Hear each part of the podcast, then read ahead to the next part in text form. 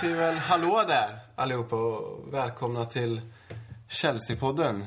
Det är avsnitt 22 idag. Det har inte hänt så jävla mycket i, i det är ett litet mellanavsnitt skulle man kunna säga. Eh, men välkomna i alla fall. Det är jag, och Viktor och Oskar, precis som vanligt. Ja, passa på att välkomna de Tottenham-fans som lyssnar också. För eh, förra veckan så valde Ledley Kings knä att lägga upp vår podcast på deras iTunes. Så vi fick massa Tottenham-fans som lyssnade. Så om ni är tillbaka nu den här veckan för att ni tyckte att det var en bra podd så är ni varmt välkomna. Ja. Hur är det med er då? Mår ni bra? Det var ett tag sedan nu. Ja, det var ett tag sedan. Det hunnit återhämta oss från den härliga CSS-träffen i Västerås. Ja. För, förra helgen eller vad det blir. Jag ska få berätta mer om sen. Precis. Eh, och vi har spelat en match som vi tänkte, det är för, länge sedan för att gå in på detaljer i den. Eh, matchen som vi spelade mot West Bromwich där. Ska vi inte kasta oss på straffen direkt bara? Billig. Billig. Rent utav felaktig. Ja, det är bara tur att vi, att vi får den straffen. Alltså det som, han träffar inte bollen. Det är väl det tror jag domaren blåser för. Sen, filmning tycker jag inte att det är riktigt. Men Ramirez väger ju 60 kilo och så är det axel mot axel och ramlar Första tanken var ju att han snubblade själv, för det brukar han göra. Mm. Men att, att han kallar honom filmer och jämför med Ashley Young, det känns lite väl överdrivet. Så är det ju inte. Ja, med tanke på de filmningarna som var, det var ju ett par rejäla filmningar i olika sammanhang strax innan där. Så jämfört med dem så är det ju ingenting. Men sen, sen att vi blir bjudna på poängen där av domaren, ja, det bara tacka och ta emot och det kan vara avgörande vid säsongens slut. Och de var inte värda tre poäng heller. Det, därför känns det lite bättre. Nej, men vi var ju inte värda så mycket. Vi ger ju bort två mål. Det är ju två försvarstabbar, båda målen. Och check var inte alls Nej. bra. Och skönt också att Mourinhos rekord inte bröts på grund av det där. Ja, fast fan betyder det så jävla Ja, mycket? men jag tycker det är skönt. Det är viktigt. Ja, men För istället- mig är det viktigt. Ja, men säg att vi kryssar nästa hemmamatch, så hade det varit bättre att vi hade vunnit den ena och förlorat den andra. Det är ändå Ja, så är tre det. poäng är Men- bättre än två. Det, Men man får glädjas åt det lilla. ja, fan. Ja, ja. Ja, ja. Ja. Är vi kä- klara? Vadå? Klara med West Brom? Ja, men det är så länge sedan. Folk minns knappt att vi har spelat mot dem. Ja men där check, jag tycker check får lite för mycket skit också. Visst det är ingen dundertavla han gör på andra mål, men alla målvakter gör tavlor och det är bara en fråga när tavlorna kommer. Eh, Den hade kunnat komma mycket sämre. Eh, Och sen så är det så här, hellre att han gör ett misstag en gång om året än att han gör fem taffliga ingripanden på match som kan resultera i något helt annat. Så att det är bara att leva med det. Han är målvakt, han är mänsklig. De kommer komma i framtiden också. Ja. Klara då? Ja. Snabbast avrivna matchen i poddens 22 avsnitt långa historia. Det är kul. Jubileum. det är alltid jubileum. Eh, Men eh, något, vidare till något roligare som jag inte var med på, men ni var ju båda två i, i Västerås och lyssnade på, på scouten. Jag tänkte ni skulle få berätta lite om det. Och för alla lyssnare. Peder Widén, eller vet han? Peder Widlund heter han. alltså, Viktor, full var du egentligen? Eh, Vi kan ju berätta lite vad det handlade om innan vi går in på att berätta vad man pratade om. Det var, ja, Peder Widlund heter han som sagt. eh, Och han är scout för Chelsea i, i Norden, eller i Skandinavien som han sa själv. Ehm, Och det är inte ett heltidsjobb, han har ett jobb vid sidan av. Men han åker runt främst på helger, kollar på matcher runt om i Sverige och försöker hitta talangfulla spelare till Chelsea egentligen. Han Det hade... låter som ett skönt jobb ändå. Ja, det, Fick han han trivdes. Det ville han väl egentligen inte gå in på, men han sa också att han hoppades att han en dag skulle kunna jobba med det där på heltid. Och liksom kunna lägga sitt andra jobb åt sidan. Och det får vi väl hoppas för hans skull. Det är väl bra för Chelsea också om det finns någon som gör det där på heltid. i- Här i Sverige och närliggande länder. Undrar om man kan fortsätta, för att han hade ju idag halva Sverige som jag förstod det. Eh, typ norra halvan, eller någon hade söder Skåne och Småland och sen hade han resten. Mm, Ja, han har väl liksom Mälardalen och uppåt och Precis. Stockholm och så. Ja, han har jobbat för Chelsea i drygt två år. Han började med eh, att jobba för, eh, för Aston Villa lite. För visst var det Ljungskiles gamla, gamla tränare Dave Wilson som hade fått kontakt med honom när han tränade sitt pojklag från Örebro, inte Örebro SK utan någon mindre förening, på en kupp i Lettland. Precis, Så stämmer. hade de fått kontakt och på den tiden jobbade då han gamla Ljungskile-tränaren Dave Wilson jobbade för Aston Villa. Och då fick Peder börja scouta lite för Aston Villa. Sen blev väl Dave rekryterad till Chelsea och då fick Peder följa med dit. Och han sa att det var inte speciellt svårt beslut att gå från Villa till Chelsea. Det var en av de lyckligaste stunderna. Han lyfter väl fram Chelsea och City som de överlägset bästa klubbarna i England när det kommer till ungdomssidan. Både vad gäller hur mycket klubbarna satsar på det form av ja, hur mycket pengar de lägger på det, hur mycket folk de har som jobbar med ungdomssatsningen, vad de har för liksom, kvalitet på träningsanläggningar och så vidare. Och även i form av resultat. Chelsea har gått väldigt långt i Youth Cup de senaste åren och vunnit den flera gånger och går bra i ungdomsserierna och så vidare. Så. Jag tänkte bara att vi förlorade ju ungdoms... Var Youth Cup förra året? Mot just Aston Villa. Det var väl Champions League, alltså Champions League Next för- Generation, ja, det var ungdoms det. Champions League. Då undrar man hur mycket av det var Peders förtjänst. Ja, precis. Han har väl säkert hjälpt Villa att hitta ett par spelare tidigare. Och det han sa som också var ett problem när han jobbade i Villa jämfört med i Chelsea var att om han hittade någon riktigt bra spelare till Villa så var det inte säkert att de kunde signa honom för att det var andra klubbar som kom in och som var mer attraktiva än vad Aston Villa är och de kunde bjuda mer pengar och ge spelaren bättre förutsättningar. Så han sa att ofta är det så att man scoutar åt andra klubbar också.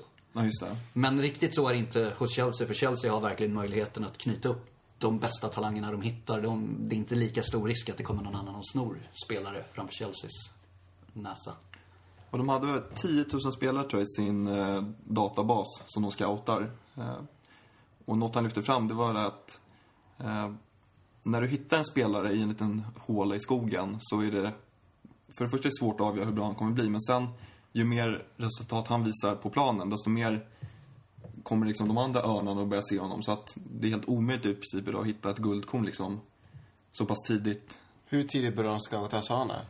Um, han sa väl inte exakt, men alltså de scoutar ungefär fram till de är 14 va? Sen är det liksom för sent att hitta de här spelarna som ingen annan hittar. Precis. Det är ju inte så att det är för sent att hitta en talang vid 14, men Men alla andra klubbar vet om honom också. precis, är det någon som är 15-16 då, då är man redan känd. Så det, var, det gäller att hitta dem innan. Han snackade om att de hade pojkar födda 02 som han åkte runt och kollade på nu. Ja, de är 11 alltså. De är 11 år, ja. Precis. Och det, han nämnde det här elitpojklägret som de har i Halmstad varje sommar i svensk fotboll då.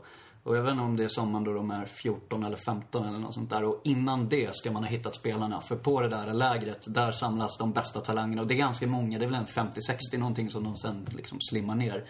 Och eh, ja, har man inte hittat spelarna innan det, då, då har man ingen förtur längre. Utan då är det liksom så, då är det ju alla är där och hugger. Så. Så då kommer de här eh, andra lagen som är lite latare, typ Liverpool och de sätter dit sina scouter på att kolla på de matcherna och tar med sig liksom vad Chelsea redan visste om spelarna. Så att det är därför Chelsea har haft, kunnat värva spelare så pass duktiga, så pass unga. För att de liksom varit där redan från början och gjort grisjobbet. Medan de andra klubbarna bara vill komma dit och ta kak, de, ja, vad säger man, kakan. Precis, han betonade det liksom att det är in, ingen, eller väldigt få andra klubbar som är så pass närvarande på så pass mycket matcher ute i, ja men, hela Europa egentligen, som Chelsea är. Att de har folk är ute och kollar på väldigt mycket ungdomsmatcher och gör det hårda jobbet för att hitta de här talangerna. Och har man väl hittat någon så räcker det inte att kolla på en match och en träning utan det ska vara match efter match efter match efter match och man ska se dem i många olika situationer och man ska ha kontakt med spelaren och spelarens föräldrar och spelarens nuvarande klubb och så vidare. Och det, det är ett gediget arbete verkligen för att hitta en talang. Det är inte något så här, ja, att man kollar lite på YouTube eller så utan det, det görs ordentligt. Shit, han gjorde ett snyggt mål. Han drog en skön historia om att de sökte en eh, målvakt född 98. Eh, Och folk tror att han har så glammigt liv för att han jobbar för Chelsea och åker runt och lever lyxen. Men då, han bodde i Örebro då som jag förstod det. Så hade han upp till, upp till Hallunda i Stockholm. Eh, en fredagkväll typ. Han hade inte hittat ett enda ställe som tog kort när han skulle köpa middag. Så skulle han kolla på den här målvakten som rörde bollen två gånger i första halvlek och vart utbytt i paus. Så det var liksom hans fredagkväll. Då var det bara att tuffa tillbaka. Så hade inte gett honom någonting men det är så vissa dagar ser ut för honom och han har accepterat och han älskar ändå. Ja, men precis, han menar ju att det är en del av jobbet men när man väl hittar de här riktigt bra spelarna och får en egen spelare att signa för klubben då, då är det värt alla de där misslyckandena som man ändå stöter på. Ehm, och han berättade specifikt om en spelare som han har tagit till Chelsea. Jag vet inte om vi ska återge lite av hans historia om det. Ja, kan vi. Ehm, det är en spelare som kom från Motala, Stämmer. mittback som han ja, hade... jag vet inte, Blev han tipsad om honom eller såg han honom själv på någon match? Det minns jag inte. Men Han åkte... Jo, han hade frågat tränaren om det var någon spelare han skulle hålla lite extra öga på. Och då hade han fått två namn och sen hade han fått det här tredje som att tränaren bara, ah, kanske det här kan vara något också. Han kan vara värd att hålla ett öga på. Men det var just två andra som tränaren lyfte fram lite extra då. Då var ju Alex den där tredje spelaren som jag förstod det. Ali. Ali. Fan, du har inte bra med namn alltså. Det gör inget. Precis, Ale. det är Ali Suljic heter han ju. Säg det snabbt så blir det Alex. Precis. Tillhör Chelsea nu. Men då, då var väl Peder och såg honom ja, men fem, sex helger i rad eller någonting och hade verkligen bra kontakt med både föräldrarna, klubben och eh, spelaren Ali själv då. Ehm, men sen kom det här och de hade kommit överens om att han skulle åka över och provträna med Chelsea och att Chelsea skulle ha ja, men ensamrätt eller liksom första tjing eller vad det nu kallas. Att, ja, men om Chelsea ville köpa honom eller värva honom så skulle, skulle Chelsea göra det. De hade kommit överens med hans agent om det.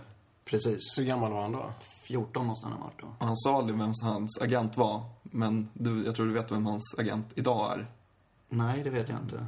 Patrik Mörk. Ja.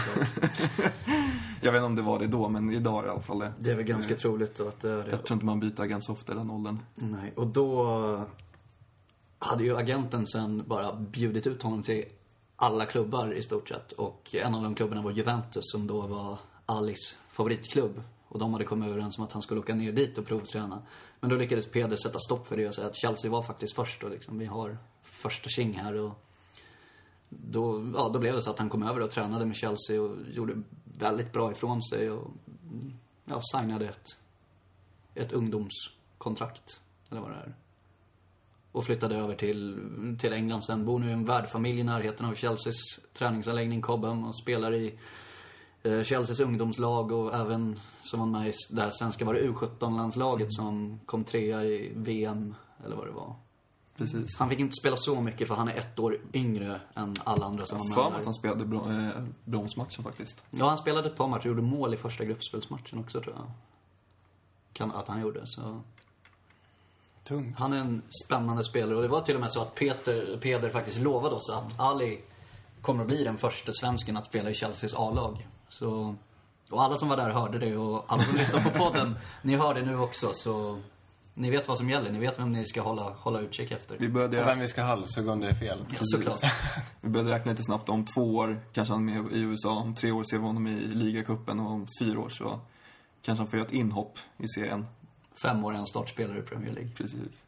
Det vore fan coolt. Och han jämfördes med David Luiz för att Chelsea idag vill ha spelande mittbackar som tycker om att driva upp med bollen i plan. Eh, Och enligt Peder så tycker jag att det låter som en världsspelare som är på gång.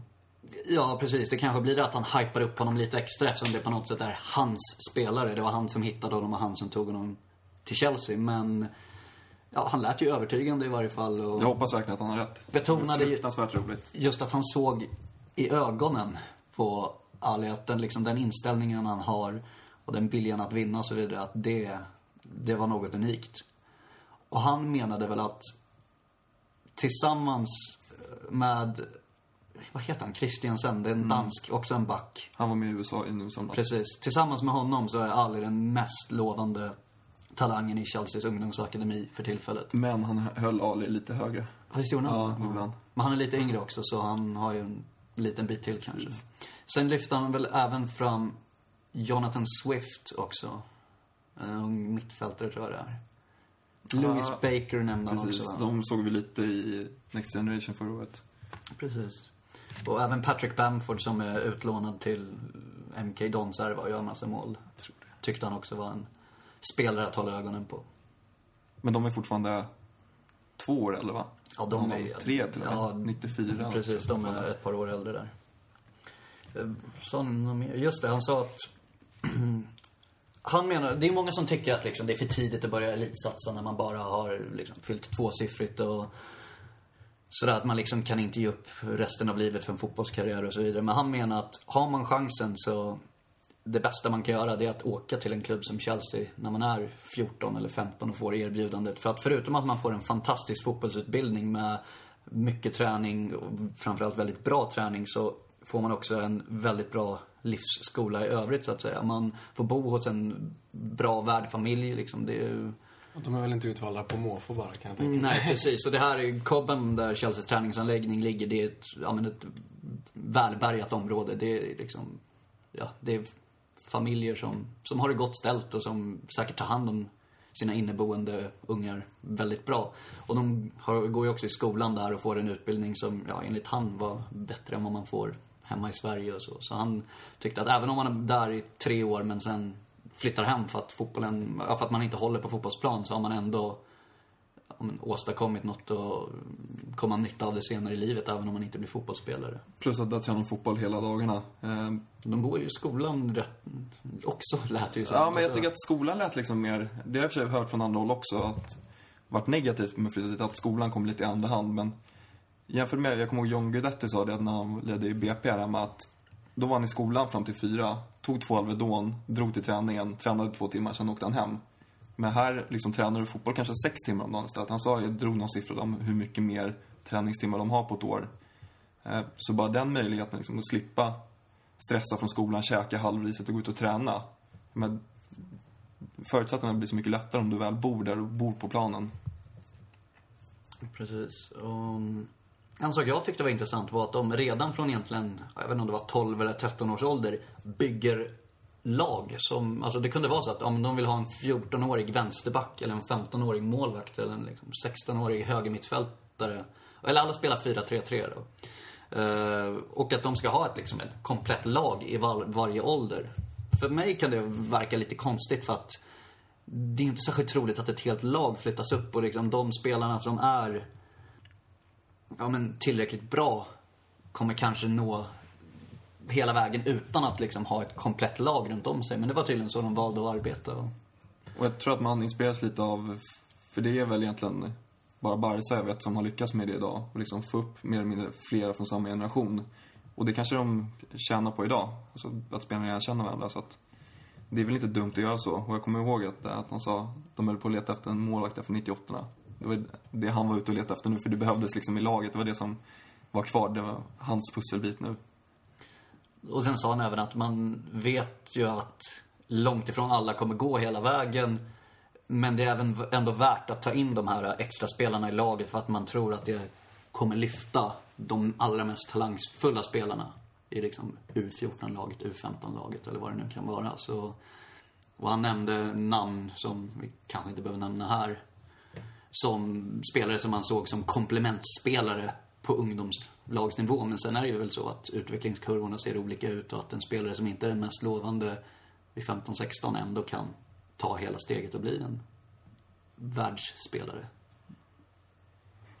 Eh, sen snackade jag lite om när, hur det går till när de rekryterar de här unga spelarna. Att innan de väl ens får komma dit och provträna.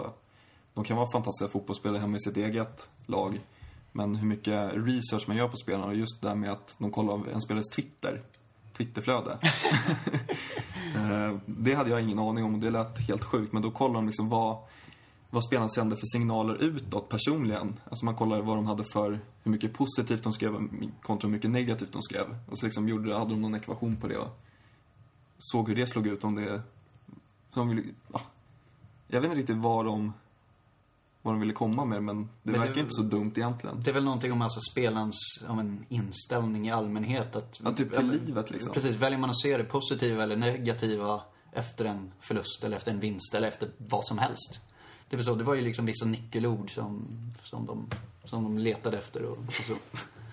Och han nämnde även att det här gör de på A-lagsspelarna och det var ganska enkelt att gissa vem som var den mest positiva av alla. David Luiz. Såklart. Givet. Jeezer. Ja. Eh, Sa något mer intressant? Ja, 75 procent av alla som tillhör akademin tillhör landslaget för sitt hemland. Och på då liksom, ja men U17 eller U18 nivå såklart. Och då tror jag att den siffran dras ner av eh, engelsmännen själva. Jag tror att det är där. Ja, så lär det vara att alla de som är utifrån europeiska länder eller resten av världen, de tillhör väl de bästa i sitt land i sin ålder. Precis, jag har svårt att se någon, att man tar in någon som inte platsar i Sveriges U17-lag kanske, om det inte är en jävla potential att spela, men... Eh, alltså även att de har slutat scouta mer eller mindre Sydamerika, för att det är för dyrt. Spela, eh, ligan, eller ländernas ekonomi bör bli bättre. Därför blir spelarna dyrare. Även i tidig ålder. Kolla Neymar liksom, när han gick. Så att där hade de bara tre scouter i typ Brasilien, eh, Colombia och Chile och så här halvoväntade länder. Precis, De la ju fokus i Europa egentligen. Mm. Så som jag uppfattade det. Mm. Sen- Kulturell närhet. Ja. Sen pratar han ju lite om sånt som inte hade så mycket med scoutingen att göra utan mer om Chelsea i allmänhet. Eller det var snarare så att jag ställde lite frågor till honom efter. För jag ville veta att, ja, lite mer om klubben än någon som ändå har insyn på ett lite annat sätt än vad de flesta andra har. Även om han såklart inte vet jättemycket. Han rör väl sig fritt på kobben och sådär men har ju inte tillgång till ja, men insikt i klubbledningen och så. Så fick inte svar på alla de frågor man ville. Men frågade lite vad han tyckte om de tränare som han hade, som hade varit A-lagstränare under tiden som han hade varit i Chelsea. Och den som var tränare när han kom dit måste ju varit, det var ju Vias Boas. Ja, det var det. Och eh, han gillade den inte alls. Han hade noll intresse för akademin. Körde bara sitt eget race, liksom. Tog inte upp ungdomsspelare för att träna med A-laget och kollade inte på ungdomslagens matcher eller reservlagets matcher. Så, och han var inte alls populär. Skönt att höra. Inte av personalen heller fick jag Nej men precis. känslan av. precis. Jag hoppas han förstör Tottenham då. Sopan. Och det, det Peder menade var då att Vias Boas, ja men han fokuserade för mycket på liksom att göra egen karriär istället för att, ja men, tänka på klubbens långsiktiga framtid. På ett sätt kanske inte jätteonaturligt med tanke på att han var så ung. Men Ja, men då å andra sidan hade han ju liksom kunnat bygga upp någonting bra i Chelsea på längre tid. Nu är det väl Han ingen som får stressad, chansen, tror jag. men ja. Sen Di Matteo sa han egentligen inte så mycket om, men eh, Benitez däremot tyckte han också om. Och han var också populär i liksom ungdomsleden bland spelare och tränare. För trots att han ja, men hela tiden visste att han var i klubben en väldigt kort tid så verkade han ändå bry sig om ungdomsverksamheten. Och ja, det får man väl ändå ge honom. Jävla motvilligt du säger det här känns det som. Ehm, Men Peder sa ju också det att han tyckte ju ändå att Benitez var ju en fel, ett fel beslut att ta in honom med tanke på alla andra faktorer. Men att när han väl var där så ja, positiv för ungdomsverksamheten. Och Mourinho likadant. Bara, hade bara gått Men han började väl med att sparka en massa, massa folk från, var det gamla scouter eller sådär som han gjorde? gjorde Men det var väl första gången Ja, Mourinho var kom så till. Chelsea, var det inte det? Ja, Uppfattade jag lyssnade det inte jättenoga, om man ska vara ärlig. Men jag snappade upp det fall att han Satt och hade... drack bärs? Jag lyssnar jättenoga. Ja, det, ja, Nej, men det var någon... det var osagt, ja, men... Han har i alla fall tagit till sitt eget folk. På, va? Det är varken rätt eller fel. Men, Men har man att han- förtroende för folk så vill man väl ha dem med sig. Ja, såklart. Men att han ändå hade, ja men, Bra saker att säga. ja, han hade bra saker att säga om Mourinho. Mourinho var populär i, bland, bland ungdomarna. Jag måste säga att det var helt fantastiskt att vara där. Alltså den här... Det han berättade, det, det går inte att läsa någonstans. Det är helt omöjligt att få reda på annars. Alltså, det är en sån unik insikt vi fick i klubben. Den där lördagen. Konstigt att alltså, sportjournalister inte gör mer intervjuer, eller ger de inga intervjuer till journalister? Han var ju ganska restriktiv i början där att det, kommer, det finns saker jag inte kommer svara på. Eh, Men sen vart det aldrig riktigt...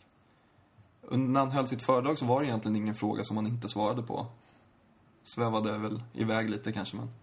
Nej, precis. Jag tror Eh, folk respekterade det också. Det var inte direkt bara pengafrågor eller... Nej, men det var väl det han sa. Han kommer inte berätta någonting om liksom, ja, pengar. Så här, vad, vad spelare tjänar, vad de kostar och vad han tjänar eller vad det nu kan vara. Utan det, det lämnar man åt sidan. Och det gjorde ju folk också. Det, jag vet inte om det var någon mer direkt. Vi har ju säkert missat jättemycket och folk som var på träffen och lyssnade och som sitter och lyssnar nu tänker säkert att ja, varför säger vi inte det här och varför har vi glömt bort att berätta det där? Men ja, Vi får väl helt enkelt Så. bjuda in honom om, alltså lite senare när, när det hänt lite mer. Ja, vi sa ju det att när Ali Suljic gör A-lagsdebut i Chelsea då... Om fem Då år. välkommen. då ska vi väl, då tar vi in honom.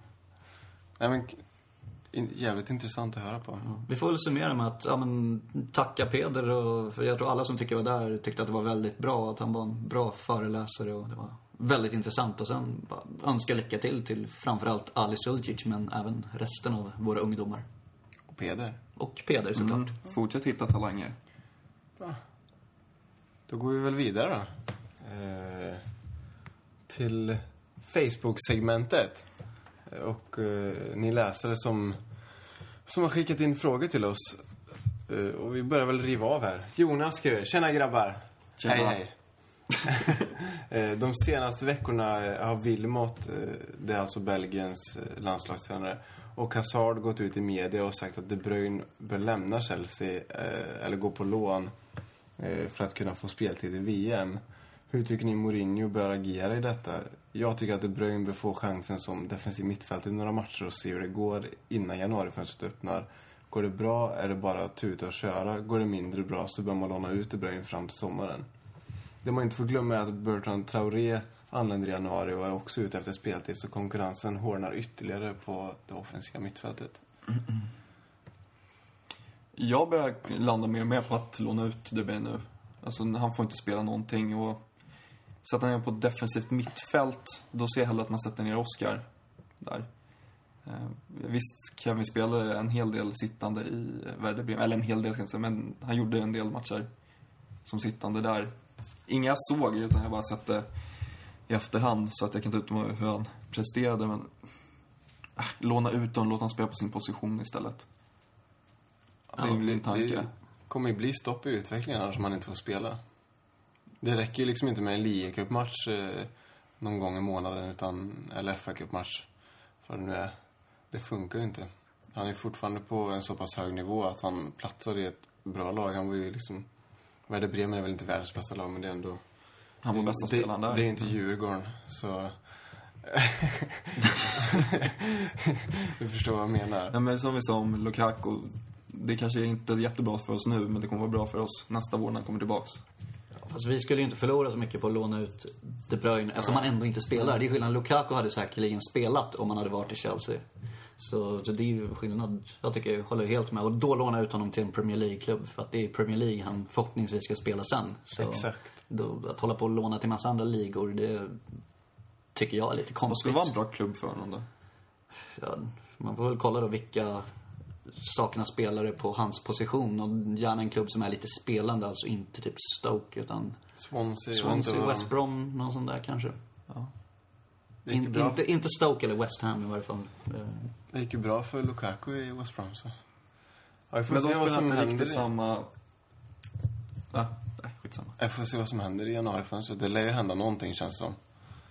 Eh, Så... Och som sagt, han vill ju ha speltid till VM, självklart. Och det kommer, kommer han inte få.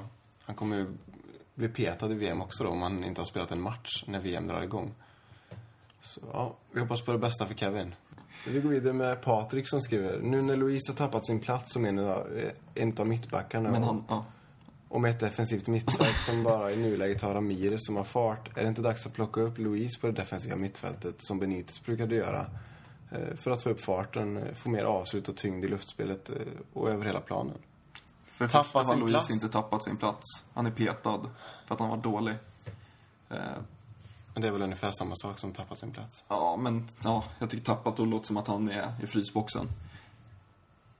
Eller vad tycker ni? Tappa sin plats? Kevin De Bruyne tappar sin plats efter Hull, eller efter Arsenal. vad är skillnaden på peta och... Men petad, då är man tillfälligt borta Okej. liksom. Tappat, då är det... Okej. Tappar På längre sikt. Det är för tidigt Ja. att säga att han har tappat den alltså. Nej, jag tror han är petad. Okej. Luddigt. Väldigt oklart.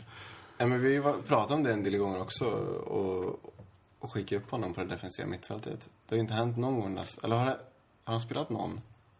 Kanske att han under någon match Ja, har gått men upp inte när från vi har börjat ju. mål. Nej, nej. Inte i år. Nej. Det vore intressant att se. Lampard har ju inte gjort de bästa matcherna på senare tid, så prova, vad fan.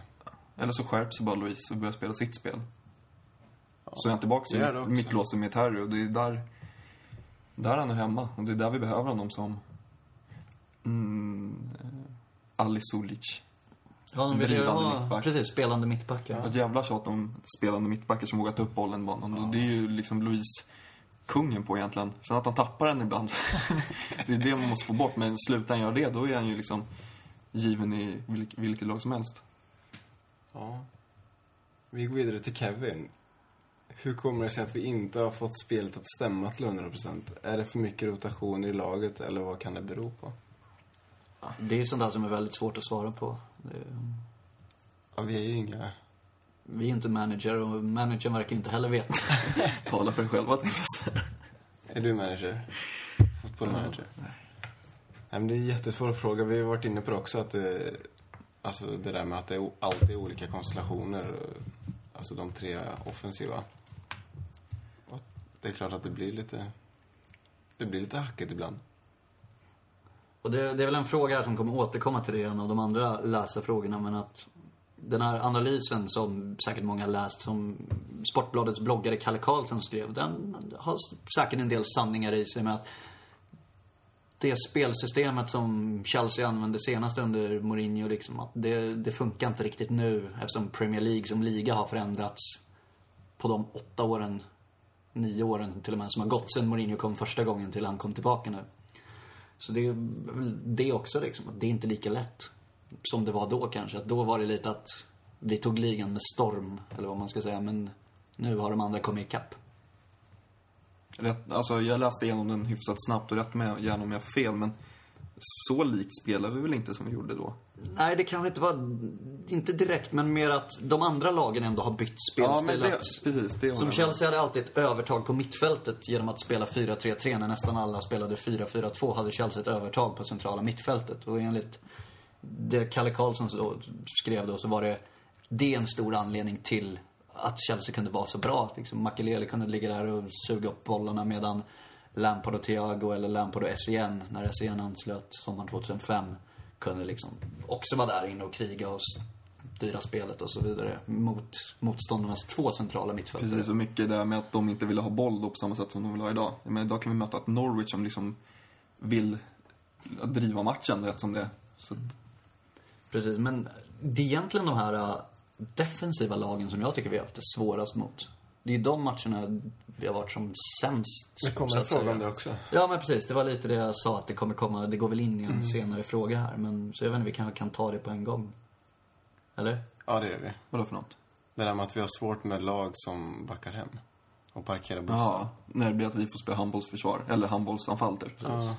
Det liknar Barca fast vi aldrig kommer till avslut på något sätt känns det som. Och det är väl att, jag inte, de är väl ett mer spelskickligt lag än vad Chelsea. Det... Vi behärskar inte det spelet på samma sätt. Plus att Eto'o oftast, eller eh, Torres, vill typ vara delaktiga. De ligger inte och löper på djupet och liksom river sönder försvaren, utan de vill också ha boll och rulla runt. Så att vi får ingen djup utan därför blir det här just nio meters linjen vad det är handboll. Så vi står och rullar från hörnflagga till hörnflagga och kommer ingen vart. Nej, för de matcherna som vi ändå har varit rätt bra i, det är ju så här Schalke borta mot City och andra halvlek mot Tottenham. När vi ändå har mött lag som vill ha bollen lite mer än... Och vi straffar Många dem jävligt bra när de Ja, men anfaller. precis. För Schalke, de vill ju bjuda upp till dans liksom. Det fick de tre För det är ju fortfarande ett väldigt, väldigt bra kontringslag. Det, så är det. Vi har gjort flera mål på kontringar den här säsongen. Liksom Norwich borta gjorde vi två kontringsmål. Till exempel när vi ändå, när det ändå var ett lag som är ett, på pappret, lite sämre lag som började spela mot oss. Som det var i den matchen. Då var vi tillbakatryckta stundtals, men då lyckades vi med det här kontringsspelet ändå vinna. Schalke kontrar vi också in målen. Precis. Ja. Pontus har en fråga till Oskar. Eh, Det ryktas om Falcao Torres bytesaffär i januari. Tankar om det?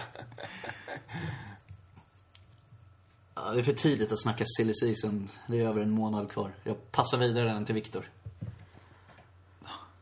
Jag tror det där, nej det kommer inte hända. Nej. Alltså, Inte ett byte rakt av i varje nej, fall. nej. Det är ju- Men, och han ska precis nytt på ett nytt konto, eller i somras ska man på... Nej.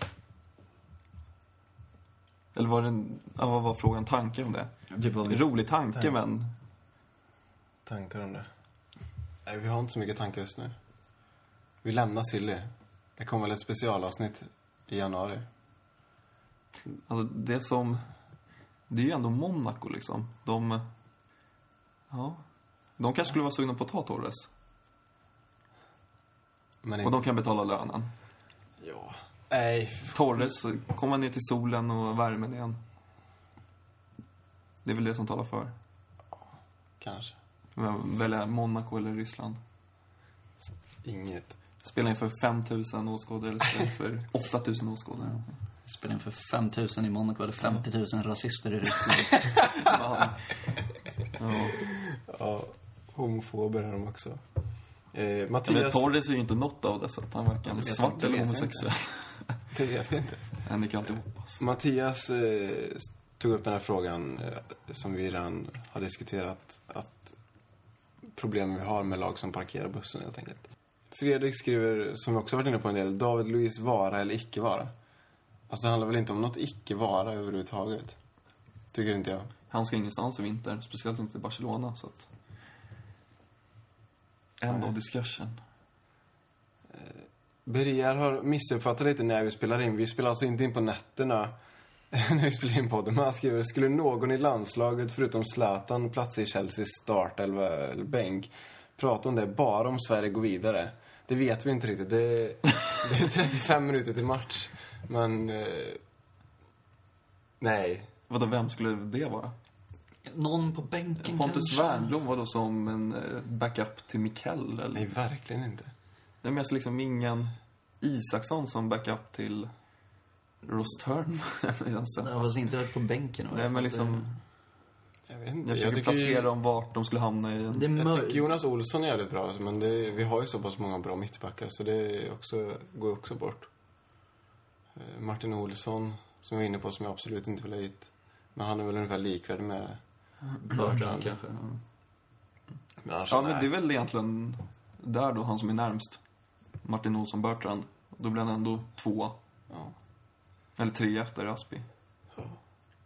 Och Johan skrev det som vi har tagit upp också, det där Kalle Karlsson. Ni kan gå in och läsa, det är ingen plusartikel eller något sånt. Det, det är lite intressant läsning. Eh, Kalle Karlsson på Aftonbladet, hans blogg där, så har ni en, en lång artikel om, om hur Mourinho har förändrat sitt spel.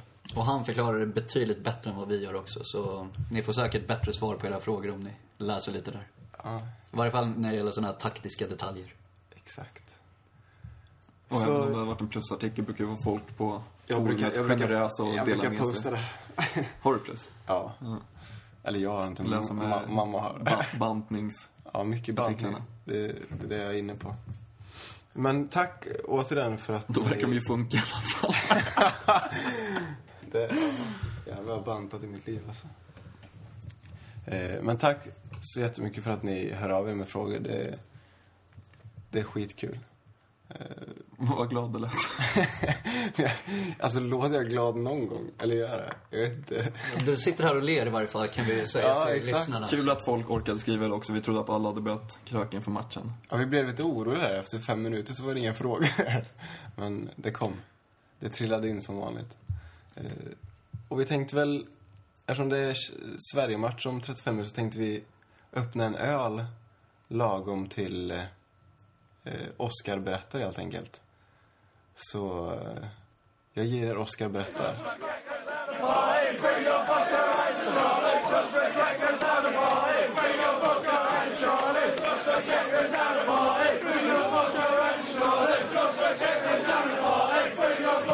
Skål då. Skål. Ja. I veckans Oscar berättar så ska vi ta oss tillbaka till en svunnen tid. Då FA-cupfinalen var den största matchen på hela säsongen.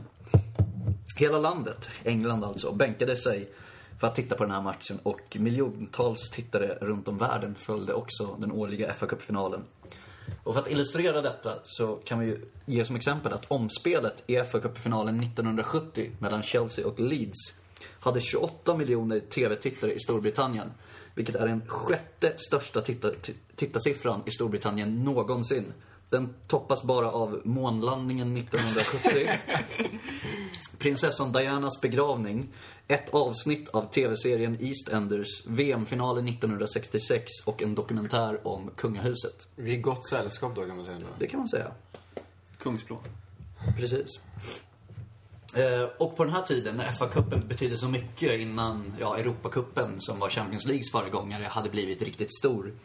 Så var det vanligt att de lagen som kom till fa Cup-finalen firade det här, den här finalplatsen genom att släppa en fa Cup-finalsång. Och det var en sång som spelades in av laget helt enkelt och ibland tillsammans med en känd artist. Ofta en artist då som höll på just den här klubben.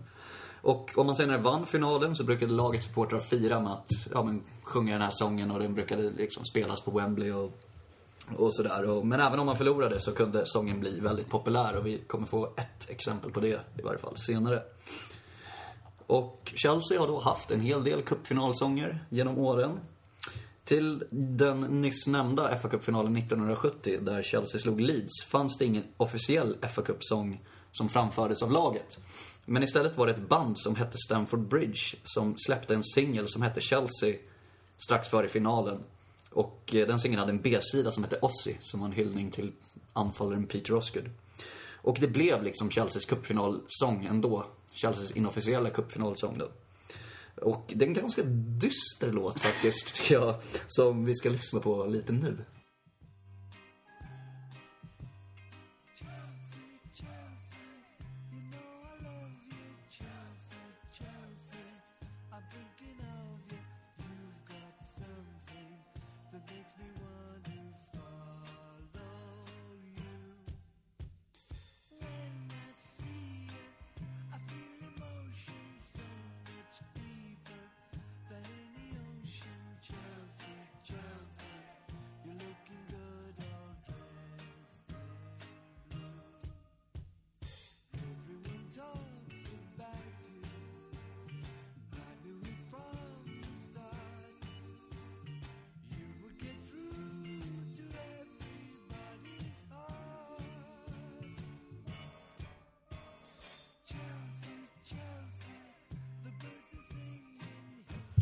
Ja, det var den. Chelsea från 1970. Ehm, två år senare var det dags igen. Ligacupfinal Ligacupfinalen den här gången och Chelsea mötte Stoke. Så det var alltså inte bara till FA-cupfinaler utan även till ligacupfinaler som man valde att göra sånger. Eh, och eh, även om ligacupen inte är lika stor som FA-cupen så var det nog bra att Chelsea släppte en sång nu. För det var ju faktiskt, skulle det vara 22 år till Chelseas nästa cupfinal efter den här. Så det passade bra. Eh, och 1972 då, då släppte Chelsea en sång som blev väldigt känd och som nådde eh, ända fram till femte plats på Storbritanniens motsvarighet till Svensktoppen. Och eh, en vanlig missuppfattning är faktiskt att den här sången släpptes till fa Cup-finalen 1970, men så var det alltså inte. Eh, väldigt många lag runt om i världen, bland annat Hammarby här i Sverige, har gjort egna versioner av den här sången som faktiskt får ses som en av de absolut mest kända fotbollssångerna någonsin. Åtminstone innan YouTube-eran när det var liksom en massa annan dynga som har spridits överallt. Och jag pratar såklart om Blue is the color. Och det är en sång som fortfarande spelas på Chelseas matcher och den borde alla Chelsea-fans kunna, åtminstone refrängen liksom, eller första versen eller vad man nu ska kalla det. Min personliga favorit. Härligt. Tycker du att vi lyssnar lite på den nu då? Det gör vi.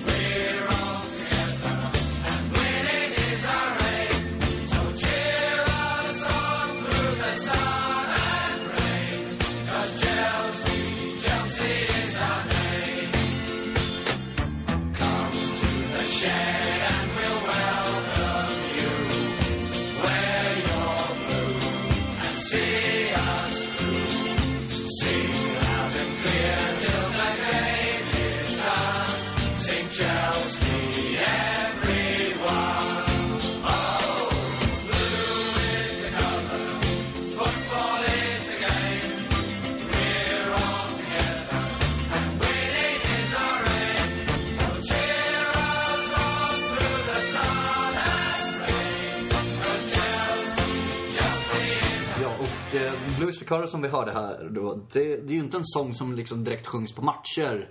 För att den är ganska lång och lite krånglig och skulle vara väldigt svår att synka. Eh, men den brukar spelas på Stamford Bridge innan och efter matcher och sådär. Eh, och en gång när den spelades, och det gjordes på helt rätt sätt, det var i åttondelsfinalen i Champions League mot Napoli 2012. Jag vet, kommer inte ihåg om det var i pausen mellan fulltid och den första förlängningskvarten eller om det var i pausen i förlängningen. Men då spelade de i varje fall låten.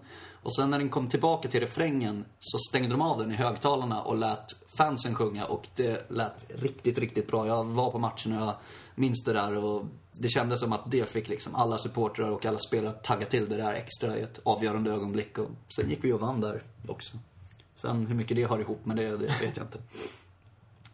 1984 var det dags för nästa säsong och det var ingen cupfinal då men eh, Chelsea passade på att fira uppflyttningen till högsta ligan med att släppa en sång. Och det var väl lika bra för cupfinalerna duggade ju inte direkt tätt på den här tiden. Eh, laget släppte då låten Back on the Ball som är en ganska svängig låt faktiskt som vi kommer höra alldeles strax. Och det var ju väldigt bra go i Chelsea just på den här tiden, 1984 där när Chelsea hade flyttats upp till högsta ligan och hade ett väldigt intressant lag med spelare som Pat Nevin, David Speedy, Mickey Thomas och Kerry Dixon. Och, eh, det var ju även i den första omgången efterföljande säsong som Dixon gjorde det här eh, berömda målet inför 20 000 Chelsea-fans på Highbury som vi har pratat om i Oscar berättar för några veckor sedan. Och Chelsea nådde en femte plats som nykomlingar den här säsongen. Så det var, det var sången i början av säsongen som fick laget att spela så pass bra, kan man ju tro. Nu ska vi i alla fall höra lite på den.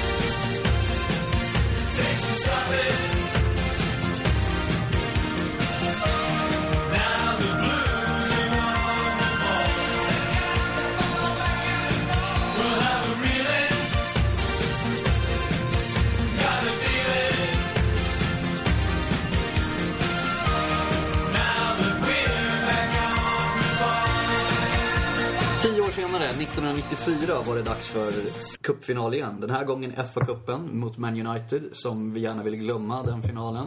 Och då släpptes låten No One Can Stop Us Now, som kommer här.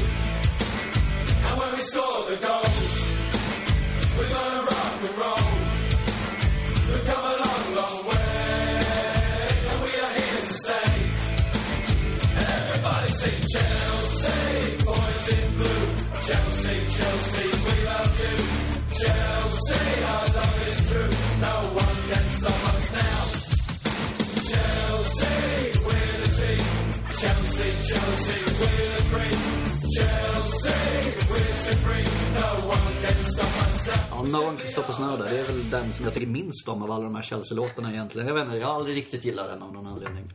Men däremot, 1997, inför FA-cupfinalen mot Middlesbrough, så släpptes Blue Day. Det var Chelseas trupp tillsammans med Suggs från Madness. Sångaren från bandet Madness alltså, som nämndes i förra avsnittet när vi pratade om kändisar som håller på Chelsea.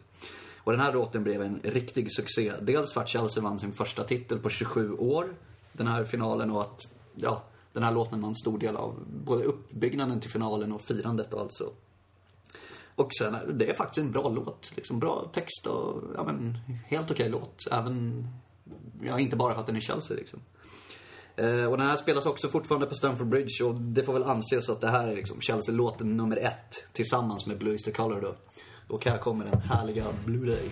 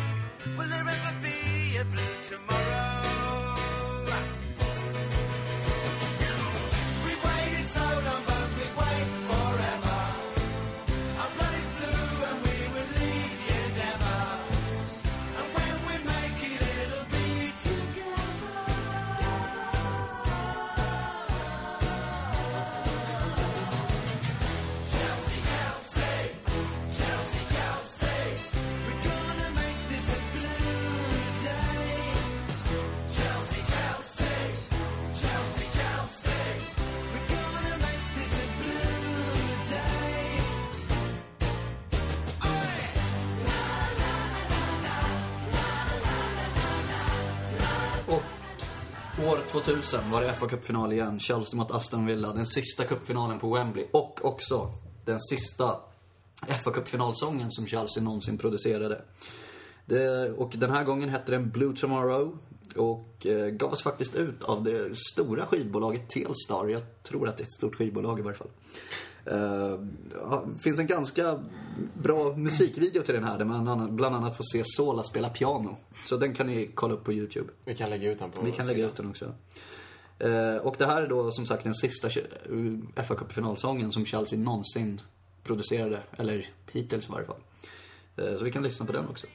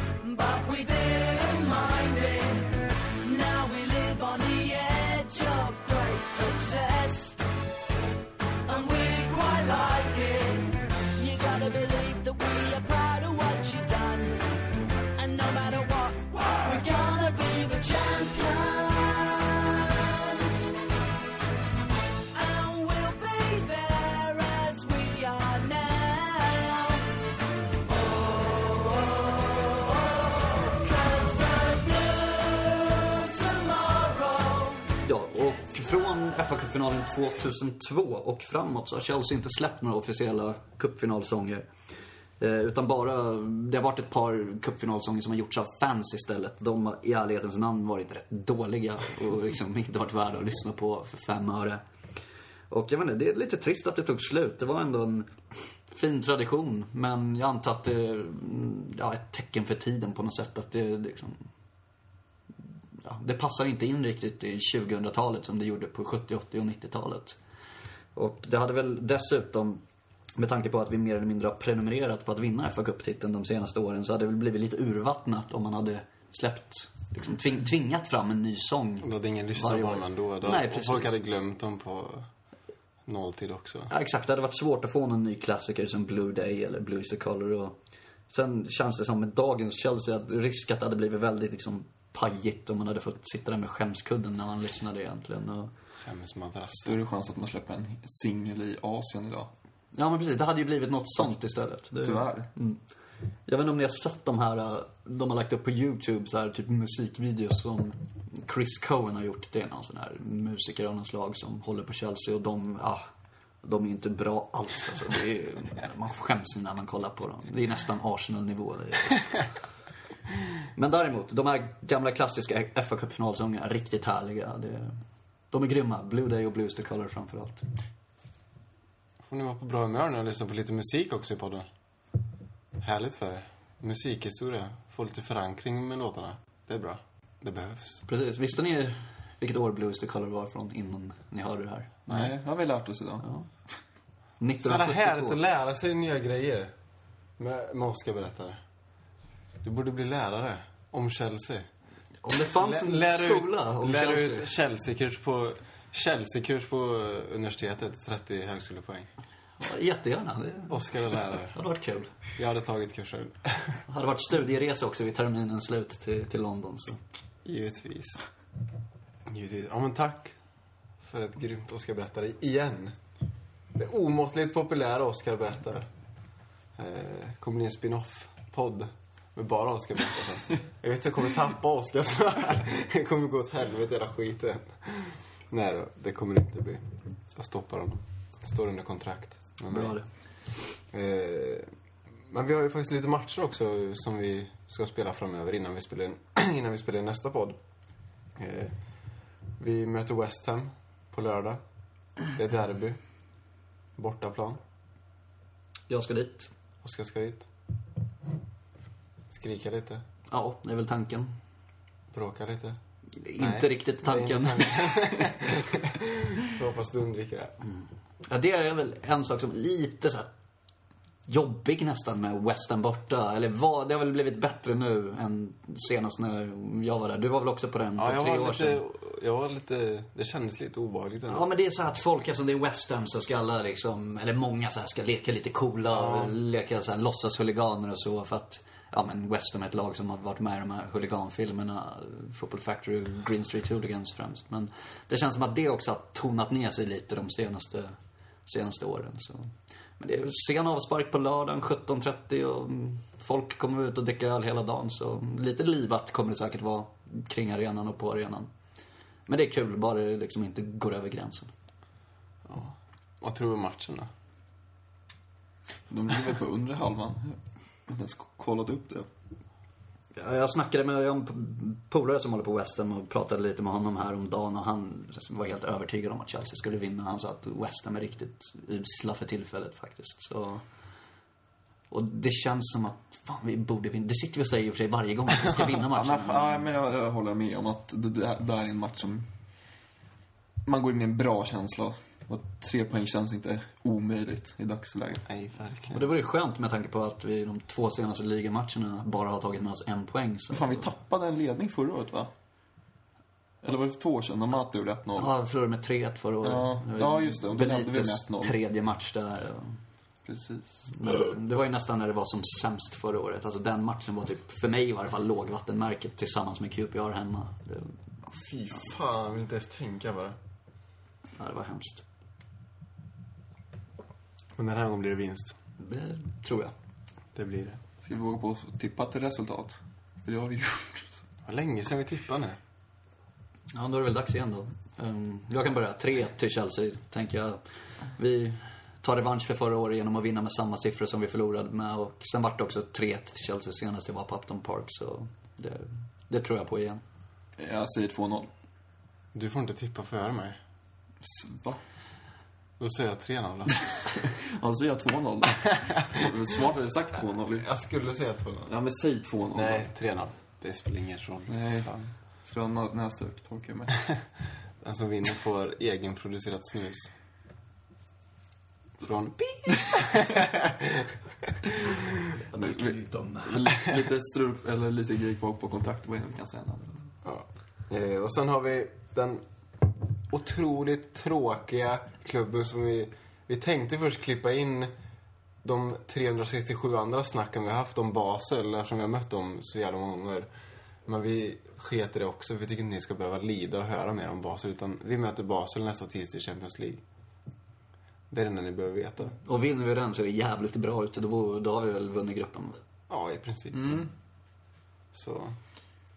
Det är den informationen ni behöver ta med där. Annars då? Krappar. Har ni något mer? Nej, det börjar väl bli dags att runda av och sätta sig här och för oss att kolla lite landskamp. Sverige-Portugal. ja. Kalaskul. Kanonkul! Eh, och... och, att det, och att, Det hade varit lite roligt om det hade varit någon spelare mer som man kan kolla lite extra på.